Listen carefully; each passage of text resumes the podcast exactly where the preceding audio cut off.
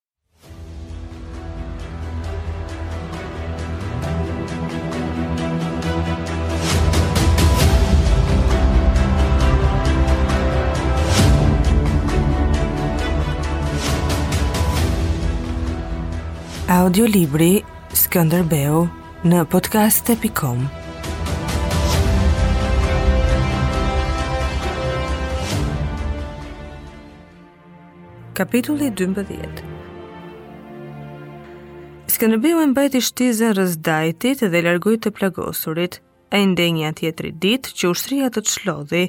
Ushtria rrinte nën ullin të ushqehej dhe kursente lëvizjet që të shlodhej sa më mirë, por në ushtri po ndodhte diçka që nuk kuptohej. Ushtarët lëviznin me ngathtësi, thua se donin të rrinin tërë kohën shtrirë. Ushtria e këndonte ngadalë e lehtë këngën e re të Levetës dhe këngën e Mojsiut, dhe fytyrat e tyre ishin të qeta po hijerënda. Në ushtri gjithnjë ngjet diçka.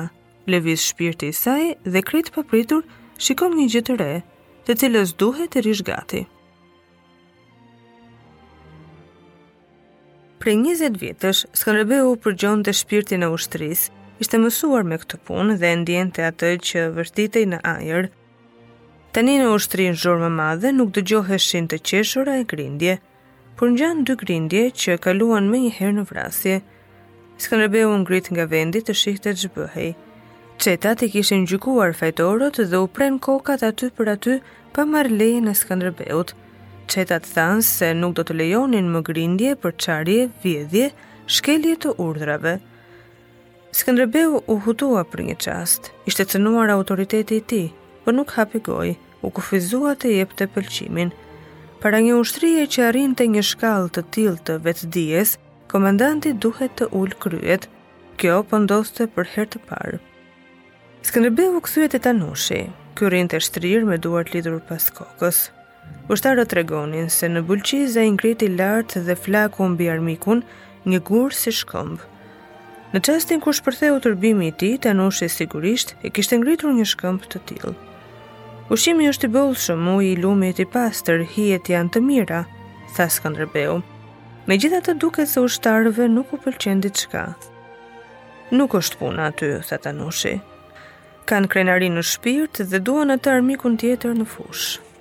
Skënderbeu ndenji me njërën dorë mbi gju dhe me tjetrën në mjekër. Ushtria kishte një dehje të shpirtit, siç ndodh kur secili ushtar ndjen se ka bërë një punë të madhe dhe po ashtu, do të bëjë aty e mbrapa. Vapa dhe zjarret, ndjenja e vetmisë dhe rrethimit, kokat e prera që erdhën nga jashtë, armiku që rrinte pa lëvizur rrëzë Dajtit, po e thyenin çdo ditë e më keq ushtrinë e Jakupit. Ai ishte një komandant i paaftë, ta mbante atë ushtri të zhgërryhej në mesin e fushës, pa ditur ç'të bënte me të. Ai ishte si i lënë në mesin e rrugës dhe s'kishte fuqi as të dorëzohej e as të ikte. Prapa ishte Sulltan Mehmeti, edhe përpara Skënderbeu. Jakupi mund të shkallmonte nga trutë duke pritur të ndodhte diçka. Pengjet kishin filluar të arratiseshin e po iknin edhe ushtarë në grupe për të arritur Vlorën e Beratin. I pikëlluar për gjakun që kishte dhënë në Bulqizë, Skënderbeu rrinte në ullishtat e Tiranës e Petrelës, duke mbajtur kampin armik të rrethuar, dhe nën sulmet e vogla të kalorësisë.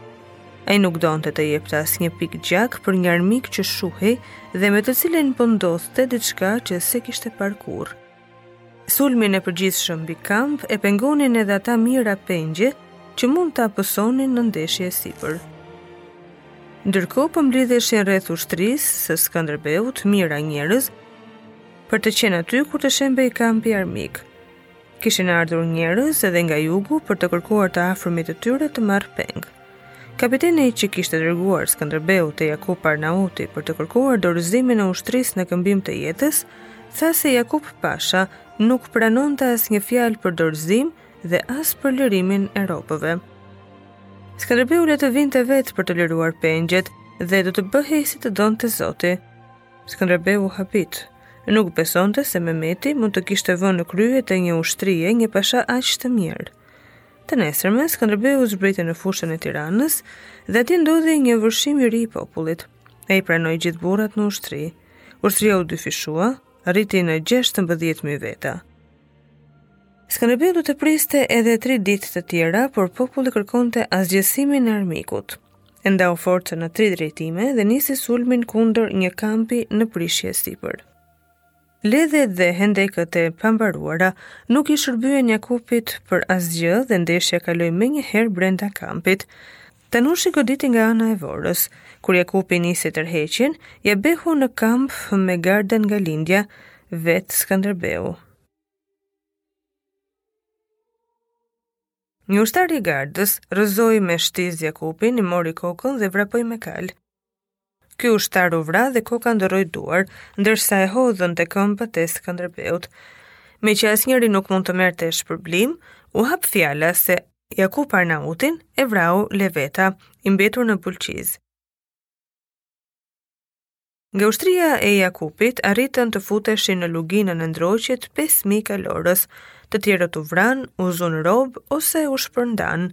Skënderbeu tha, lërini të shkojnë, do t'i copëtojë populli rrugës. Më në fund, dikush duhet të arrijë në Stamboll që t'i tregojë sulltanit.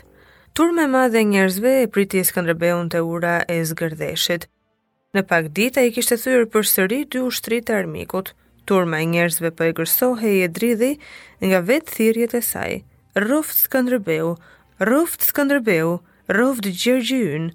Dukej se kërkonin doemos diçka prej tij, dikush thirri, Rroft mbreti ynë Skënderbeu, Kjo thirrje paska qenë fjala e duhur, se thirrja u përhap në tërë turmën që mbulonte shpatet e rrugës. Skënderbeu drejtoi trupin në kalë dhe ngriti krahun, para tij shkëlqente drita që e merrte frymën. Ambasadori i mbretit të Hungarisë, atë Aleksandri, arriti në Krujë i shoqëruar nga fisnikët raguzian.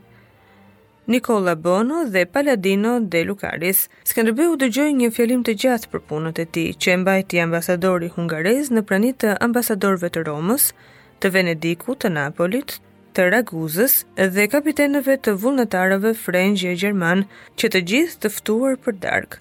Atë Aleksandri i tha se mbreti hungarez i bënte nderimet më të larta Skënderbeut, kalorësit të parë të krishtërimit, që theu dy ushtri të forta të turkut, njërën pas tjetrës, në atë vit të ankthit e të turbullirës. Pas darkës, Skënderbeu e pyeti atë Aleksandrin se në ç'datë do të kalonte Danubin mbreti Matia.